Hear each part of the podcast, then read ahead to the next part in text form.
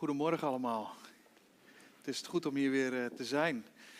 En niet alleen hier in de dienst bemoedigd te worden door de ontwikkelingen te horen van jullie gemeente, maar ook voorafgaand al uh, contact hebben met Karin. En Karin noemde enkele bemoedigingen, hoogtepunten van een introductiekring en een doop die eraan komt, waar de eerste mensen zich al voor hebben aangemeld. Wat bijzonder om dat met elkaar te mogen delen en bemoedigd te raken door wat God allemaal aan het doen is, ook hier in de gemeente. En uh, kijkend naar de doop, wat mooi om dat ook weer met elkaar straks te gaan doen hier. Om een aantal mensen te dopen. Dus mocht je hier in de zaal zitten en ken je Jezus als je redder en verlosser en ben je nog niet gedoopt. Ik zou zeggen, aarzel niet en laat je dopen. Onze eigen ervaring bij ons ook in de gemeente is, en misschien is die hier wel hetzelfde, dat ik geregeld gesprekken heb met mensen over de doop. Die denken dat de doop een soort eindstation is. Die zeggen, ik ben er nog niet klaar voor, voor de doop. En dan is mijn antwoord altijd, je bent er nooit klaar voor, voor de doop. Daarom laat je je juist dopen. dus als je er niet klaar voor bent, maar je kent Jezus wel als je persoonlijke verlosser en Heer. Ik zou zeggen, laat je dopen. Want de doop is geen eindstation, het is een startpunt. En ik denk dat het mooi is en bijzonder is om dat met elkaar ook te beleven. Te sterven en op te staan en in een nieuw leven te mogen wandelen. Nou, ik zie uit. Ook, uh, ik zal dat nog eens terug gaan kijken, ook via de livestreams, ook hoe dat allemaal uh, zal gaan.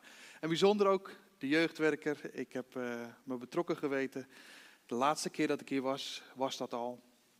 Veel voor jullie gebeden, voor de gemeente gebeden. En nou, als ik dan hier een cadeautje mag ontvangen om dan Sjorsi te zien staan en, en weg te gaan als jongerenwerker, dan denk ik, nou wauw, God is goed. Ik wil met jullie een uh, gedeelte lezen uit Johannes 14. Het is een bekend gedeelte. Het is een bekend gedeelte om meerdere redenen. Ik denk dat er een aantal versen in staan die bekend zijn onder velen van jullie. Uh, en ik wil er één vers uithalen, maar ik wil hem wel in de context plaatsen van hoofdstuk 14 en straks ook iets breder om vervolgens weer in te zoomen op die drie woorden waar we net al over gehoord hebben, de weg, de waarheid en het leven. Ik wil lezen Johannes 14, uh, vers 1 en ik ga iets verder dan vers 6. Ik ga tot met 9 lezen, 9a in het bijzonder. Daar staan deze woorden. Wees niet ongerust, maar vertrouw op God en op mij. In het huis van mijn vader zijn veel kamers. Zou ik anders gezegd hebben dat ik een plaats voor jullie gereed zal maken? Wanneer ik een plaats voor jullie gereed gemaakt heb, kom ik terug. Dan zal ik jullie met me meenemen en dan zullen jullie zijn waar ik ben. Jullie kennen de weg waar ik heen ga. En toen zei Thomas, wij weten niet eens waar u naartoe gaat, Heer, hoe zouden we dan de weg daarheen kunnen weten? Jezus zei, ik ben de weg, de waarheid en het leven. Niemand kan bij de Vader komen dan door mij. En als jullie mij kennen, zullen jullie ook mijn Vader kennen. En vanaf nu kennen jullie hem, want jullie hebben hem zelf gezien. En daarop zei Filippus, laat ons de Vader zien, Heer, meer verlangen we niet. En Jezus zei, ik ben nu al zo lang bij jullie en nog ken je me niet, Filippus. Want wie mij heeft gezien, heeft de Vader gezien. Tot zover het woord van God. Ik wil inzoomen op dat ene vers. Ik ben de weg, de waarheid en het leven. En ik weet niet wat dat bij jullie losmaakt, maar er kunnen een aantal gevolgen zijn, een aantal houdingen zijn die komen uit het lezen van dit vers. Er zijn mensen die niet geloven, maar ook die wel geloven, die een bepaalde houding of reactie hebben op het lezen van dit vers. Je kan namelijk dit Bijbelgedeelte gaan verzwakken, door als gelovige niet aanstootgevend te willen zijn naar degene die niet gelooft, door te zeggen, ja, weet je wat, iedereen heeft zijn eigen waarheid, dus het maakt niet uit wat jij gelooft. Jij hebt jouw waarheid, ik heb mijn waarheid en dat is, dat is goed. Dan verzwak je dit Bijbelgedeelte. Je kan je ook arrogant gaan verheffen boven de ander. Door te zeggen, ik weet wat de waarheid is en jij niet. Dan verhef je je misschien arrogant boven die ander. Maar ik geloof dat er ook nog een derde optie is. En dat er een goede reden is voor een derde optie, een derde houding, een derde reactie. En dat is namelijk dat je kan geloven in één waarheid, zonder je te verheffen boven die ander. En daarom willen we kijken naar dit Bijbelgedeelte, omdat ik denk dat dit Bijbelgedeelte ons juist nederig en bescheiden zou moeten maken. Want de weg, de waarheid en het leven heb jij niet gevonden. De weg, de waarheid en het leven heeft jou gevonden. Jij bent niet degene die Jezus heeft gevonden, Jezus heeft jou gevonden. En dat zou ons in essentie nederig en bescheiden moeten maken. Toch gelovend in die ene waarheid. En daarom is het denk ik belangrijk om eerst de context te schetsen voordat we stilstaan bij die drie woorden weg, waarheid, leven. Want dit is de aanloop naar die uitspraak die Jezus doet. En in een sneltreinvaart, uiteraard, om anders komen we niet tot die drie woorden. Maar ik wil wel starten een aantal hoofdstukken eerder. In hoofdstuk 12 lezen we dat dat zich bevindt vijf dagen voor Pesach. En het begint met de intocht in Jeruzalem. Mensen gaan Jezus tegemoet. Palmpasen, Hosanna. Verlos ons, help ons. Gezegend hij die komt in de naam van de Heer, de koning van Israël. Zo werd Jezus verwelkomd. En het was druk. Er was een hele menigte bijeen. Want het verhaal van Lazarus, dat ging als een lopend vuurtje langs iedereen. Lazarus was uit de dood opgewekt. En zo kwamen mensen naar Jezus toe. Zo ontvingen mensen Jezus. Het kon toch niet anders als iemand uit de dood is opgewekt. En die Jezus heeft dat gedaan. Dat is de koning. Dus we verwelkomen hem op die wijze. De koning van Israël. Gezegend hij die komt in de naam van de Heer. Dan gaan we naar hoofdstuk 13. En dat, betekent, dat is kort voor het Pesachfeest. En kort voor dat Pesachfeest zit Jezus met zijn leerlingen aan tafel. En dan staat Jezus op en besluit hij om de voeten van de leerlingen te wassen. Ook dat is denk ik een bekend Bijbelgedeelte voor ons. Jezus was niet de oren. Ook dat zou ons dus bescheiden moeten maken. Jezus wast de voeten. En hij roept ons op om datzelfde te gaan doen. Om de voeten te wassen van elkaar. Daarna raakt Jezus diep bedroefd, zo lezen we in hoofdstuk 13. Want na het wassen van de voeten van de leerlingen zegt hij: Eén van jullie zal mij uitleveren. Eén van jullie zal mij verraden. In de andere evangeliën, Matthäus en Marcus, zeggen leerlingen, als Jezus dat bekend maakt, zeggen leerlingen één voor één tegen zichzelf: Ik toch niet? Als je daarbij stilstaat, als je daar iets langer over nadenkt, dat toont dat de leerlingen over een heel bijzonder zelfreflecterend vermogen beschikten. In potentie zagen zij zich allemaal als onbetrouwbaar. Er was niemand die zei, oh dat zal Judas wel wezen. Maar realiseer je wat een deuk dat heeft opgeleverd in het groepsvertrouwen van deze leerlingen. Ze weten dat iemand Jezus gaat verraden, maar ze weten niet wie Jezus gaat verraden. En in potentie voelen ze zichzelf als onbetrouwbaar en als een mogelijk persoon om dat te gaan doen. Ik weet niet of jouw vertrouwen wel eens geschaad is in de mens. Dat gebeurde daar in ieder geval. Wie was nog te vertrouwen? Maar de oplossing als je geschaad bent in het vertrouwen van mensen, is nooit om niemand meer te vertrouwen. En daarom start hoofdstuk 14 met die tekst. Wees niet ongerust, maar vertrouw. Vertrouw op mij. Want in het huis van mijn vader zijn veel kamers. Ironisch genoeg, toen Jezus met kerst ons huis wilde bezoeken, kwam bezoeken, was er nergens een kamer voor hem te bekennen. En nu zegt Jezus, in mijn vaders huis is het anders. Daar zijn veel kamers. Naar mij werd misschien niet omgekeken, maar ik kijk om naar jullie. En dan zegt Jezus, als de tijd daar is, als die kamer klaar is, dan kom ik jullie halen en zullen jullie uiteindelijk zijn waar ik ben. En daar reageert Thomas op, wij weten niet waar u naartoe gaat. Hoe zouden we de weg daar naartoe kunnen weten? En dan komt die bekende tekst. Ik ben de weg, de waarheid en het leven. Niemand komt tot de Vader dan door mij. En precies dat is de setting. Dat is de setting de context van deze radicale, exclusieve, liefdevolle uitspraak van Jezus Christus. Hij is behoorlijk radicaal en misschien wel controversieel te noemen, deze uitspraak. En ik denk dat hij niet heel veel populairder is geworden in de loop der tijd. Ook niet in 2023 hier. Jezus zou gecanceld worden om deze exclusieve uitspraak. Wie is hij om dat te zeggen? Ik weet, in een van onze Alpha-cursussen cursussen kwam iemand die niet geloofde en we stonden stil bij deze ene zin. En die jongen die zei tegen mij, Patrick, dit is toch eigenlijk super arrogant om over jezelf te zeggen. Dat je over jezelf zegt, ik ben de weg, de waarheid en het leven en niemand komt tot de Vader in de hemel dan door mij. En hij vond het een hele arrogante uitspraak. Maar iemand anders van de groep die reageerde, ja, het is misschien wel een arrogante uitspraak in eerste oogopslag. Tenzij hij waar is.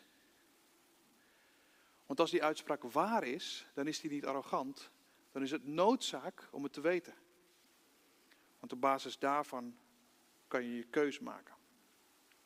Nou, die setting. Jezus brengt kostbare tijd door met zijn leerlingen. Hij wast hun de voeten roept op hetzelfde te doen. Geeft een nieuw gebod om elkaar lief te hebben zoals hij, hij hun had lief gehad. En net nadat dat groepsvertrouwen tot het dieptepunt is gezakt, daar realiseren, realiseren de leerlingen zich dat ze steeds verder van hem afwijken. Judas staat op het punt hem te verraden. Petrus doet een loze belofte dat hij hem nooit zal verloochenen. Thomas die zegt dat hij de weg niet kent, terwijl de weg voor hem staat. En Filippus die snapt nog niet dat Jezus en de Vader één zijn. Het is vanuit dat perspectief dat Jezus deze uitspraak doet. En eigenlijk is die uitspraak, die toont geduld, die toont liefde, die toont trouw. En niet alleen voor de mensen daar. Ik denk dat velen van ons zich kunnen identificeren met een aantal van de leerlingen. Dat wij op dat moment daar, op die plaats, misschien wel zo'nzelfde houding zouden hebben. Maar Jezus, Jezus opent een afslag naar het leven. Op de doodlopende weg die wij allemaal gaan, niemand uitgezonderd, is Jezus de afslag naar het leven.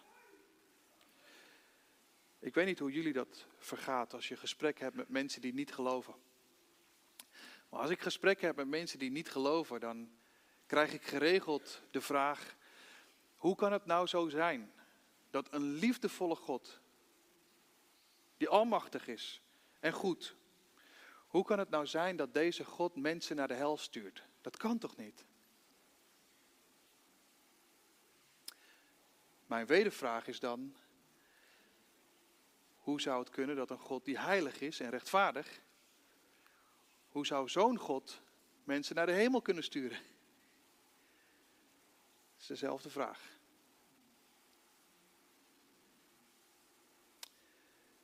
Daarbij, als ik deze vraag krijg,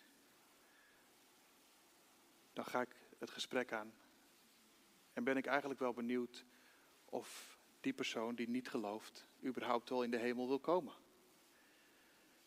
Want als je hier op aarde in dat korte leven niets met God te maken wil hebben, waarom zou je dat dan wensen voor de eeuwigheid? Om wel iets met Hem te maken te hebben. Maar uiteindelijk is het niet God die mensen naar de hel stuurt. Wij zijn natuur, van nature op weg naar een leven in de eeuwigheid los van God. Het is juist vanuit Zijn genade dat Hij een afslag biedt naar het leven. En daarom zegt Jezus, ik ben de weg, de waarheid en het leven. Op de doodlopende weg die jij gaat, ben ik de afslag naar het leven. Dus wees verheugd dat Hij de weg, de waarheid en het leven is. Want als het van onze goede werken en ons beperkte inzicht en wijsheid zou afhangen, dan denk ik dat niemand van ons dat zou halen. Die drie woorden, daar wil ik kort bij stilstaan om uit te leggen Wat de diepere gedachte is achter deze uitspraak. De weg, de waarheid en het leven. Als eerste, Jezus is de weg. In het Grieks betekent dat hodos. En hodos betekent route. En ik weet niet of jullie hier vlakbij een IKEA hebben. Uh, wij hebben bij ons in Hoofddorp wel een IKEA. Uh, en ik ben altijd verbaasd, positief verbaasd over de IKEA. Want die IKEA die uh, luister je er eigenlijk in. Je komt geregeld voor een pollepel en een hotdogje. En aan het eind reken je een keuken af. Om uiteindelijk naar huis te gaan waar je eigenlijk helemaal niet voor bent gekomen. En het heeft alles te maken met de looproute. Dus je start ergens en als je niet de afsnijdroutes neemt, dan loop je gewoon de hele IKEA door. Zoekend naar je pollepel, eindigend met je hotdog, maar langs alle bedden en keukens en ingerichte kamers. En uiteindelijk ben je veel armer aan het eind van je rit dan dat je dacht dat je alleen maar kwam voor de pollepel. Dat is ook een beetje ons leven. Ons leven is ook zo'n route waarin we verleid worden en misleid worden en waar we afgeleid worden met van alles en nog wat.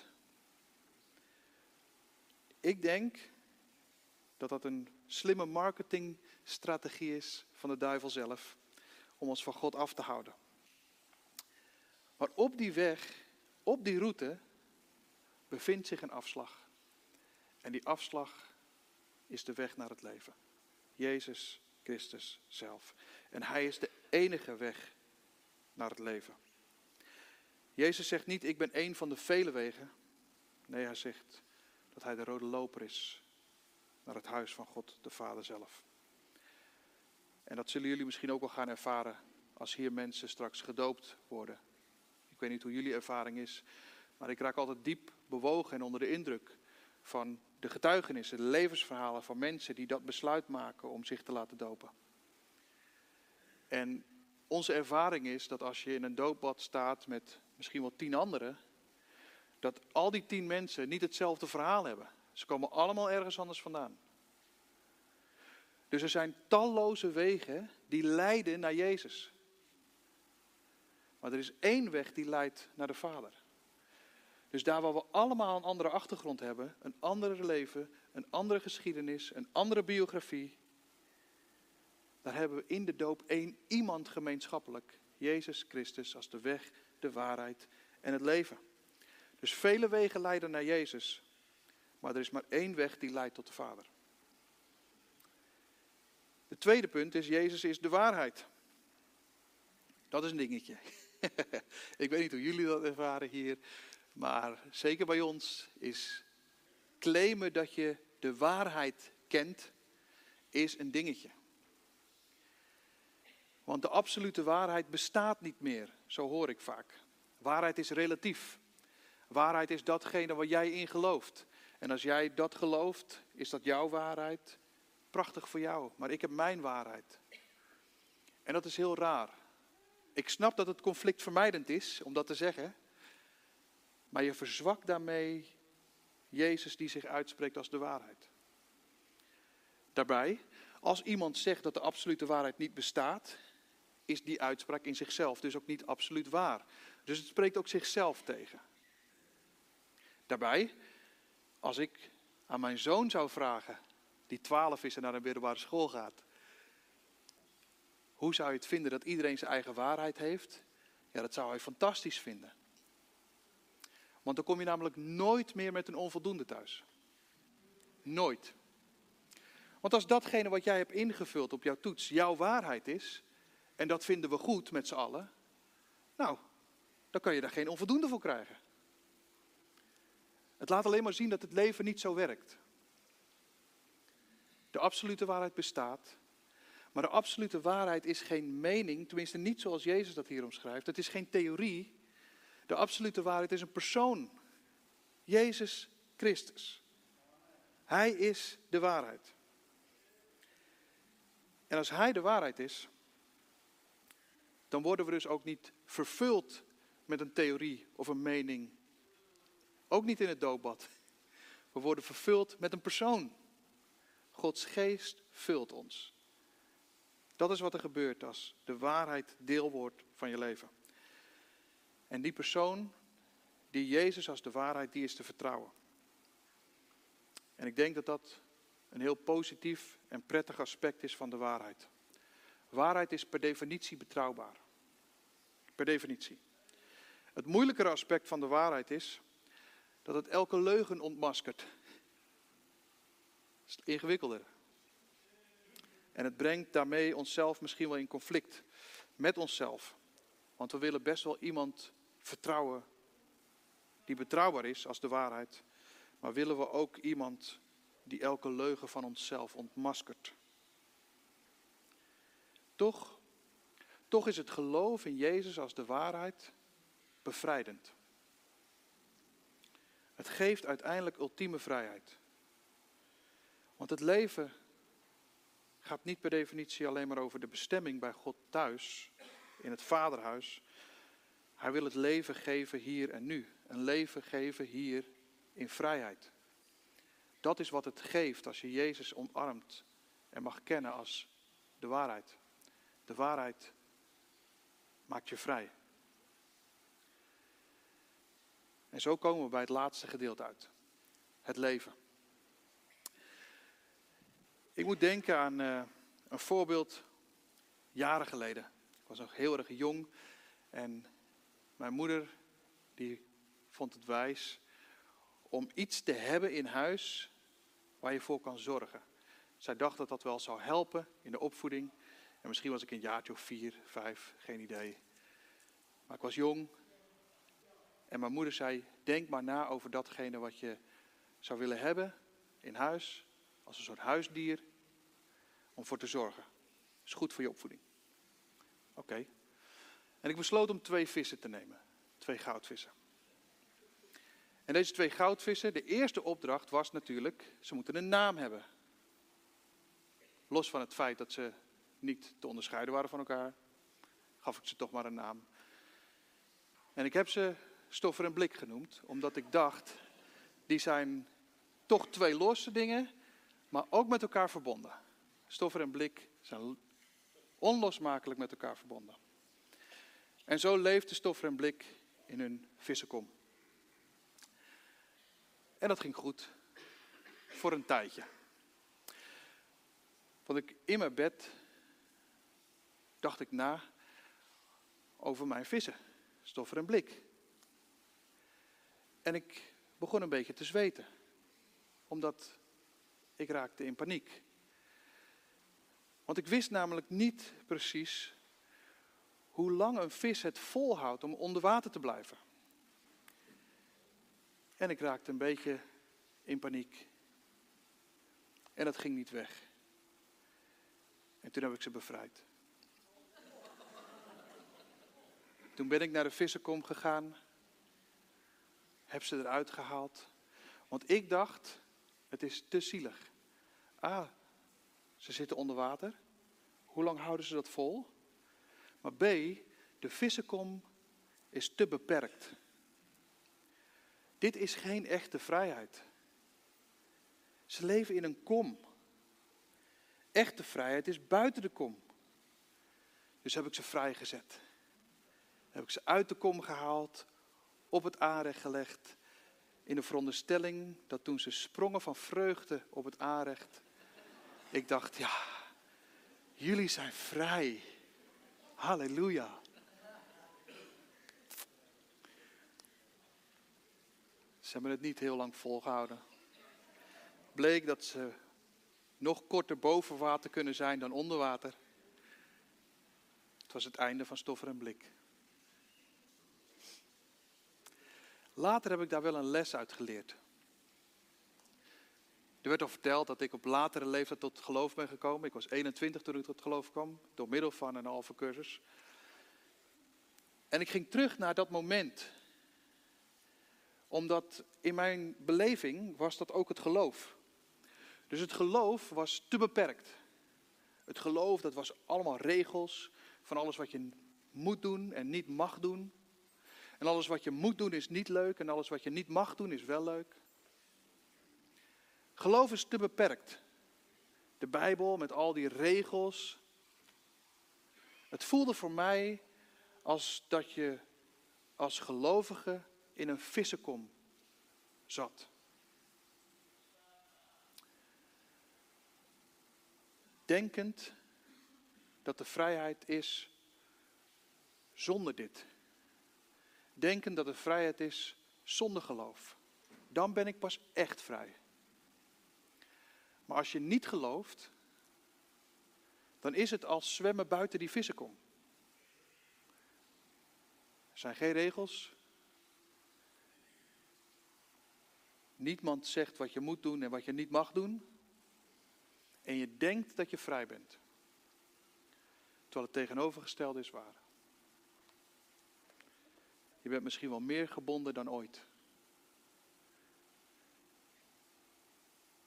Een vis, stoffer en blik, die waren alleen maar vrij in de context van water. De water zorgde ervoor, het water zorgde ervoor dat ze vrij waren. Niet de kom. Een mens is alleen maar vrij in de context van Christus. Als je vanuit dat perspectief kijkt naar hoe God verlangt dat je leeft, dan is dat geen beperking, dan is dat een leven in vrijheid. Die illusie om te denken dat je vrij bent als je een leven hebt zonder grenzen is echt een leugen. Probeer je een voetbalwedstrijd voor te stellen zonder regels. Als er geen regels zijn, is chaos. De regels zorgen ervoor dat het mooi is, dat het goed is. Dat je vrij bent. Jezus biedt vandaag de mogelijkheid om die afslag te nemen naar vrijheid, naar het leven. En daarom wil ik daarmee eindigen. Jezus is de weg, de waarheid en het leven. Het is een radicale, exclusieve uitspraak met het diepste verlangen om een ieder in te sluiten. In deze uitspraak klinkt dus alles behalve arrogantie, hoogmoed of veroordeling.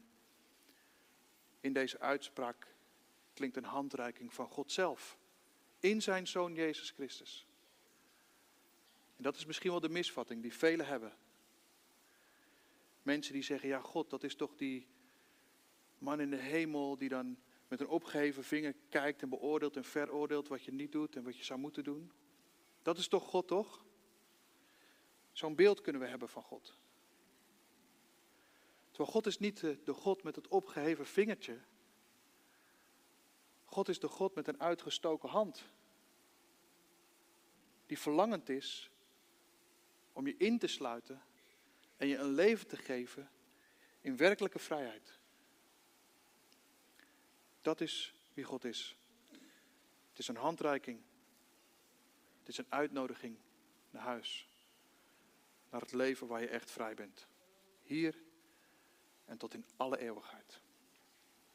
Zo'n moment nemen om te bidden. Stil te worden wat we al gedaan hebben. Maar misschien wel voor het eerst of opnieuw. Die Jezus te omarmen als de weg, de waarheid en het leven. Waarin we bidden dat je vanuit dat perspectief de volledige vrijheid mag ervaren. Heer, we komen zo bij u. We kunnen niet anders dan bij u komen en het van u zelf verwachten. Wij zijn het niet die u hebben gevonden. U bent het die ons heeft gevonden. En zo willen we bij u komen. Als we stil hebben gestaan bij deze radicale, exclusieve uitspraak, met het diepste verlangen om een ieder in te sluiten, dat u de weg, de waarheid en het leven bent. Dat op die doodlopende weg die we allemaal vanuit onze eigen natuur gaan, dat u de afslag bent naar het leven. U bent die weg.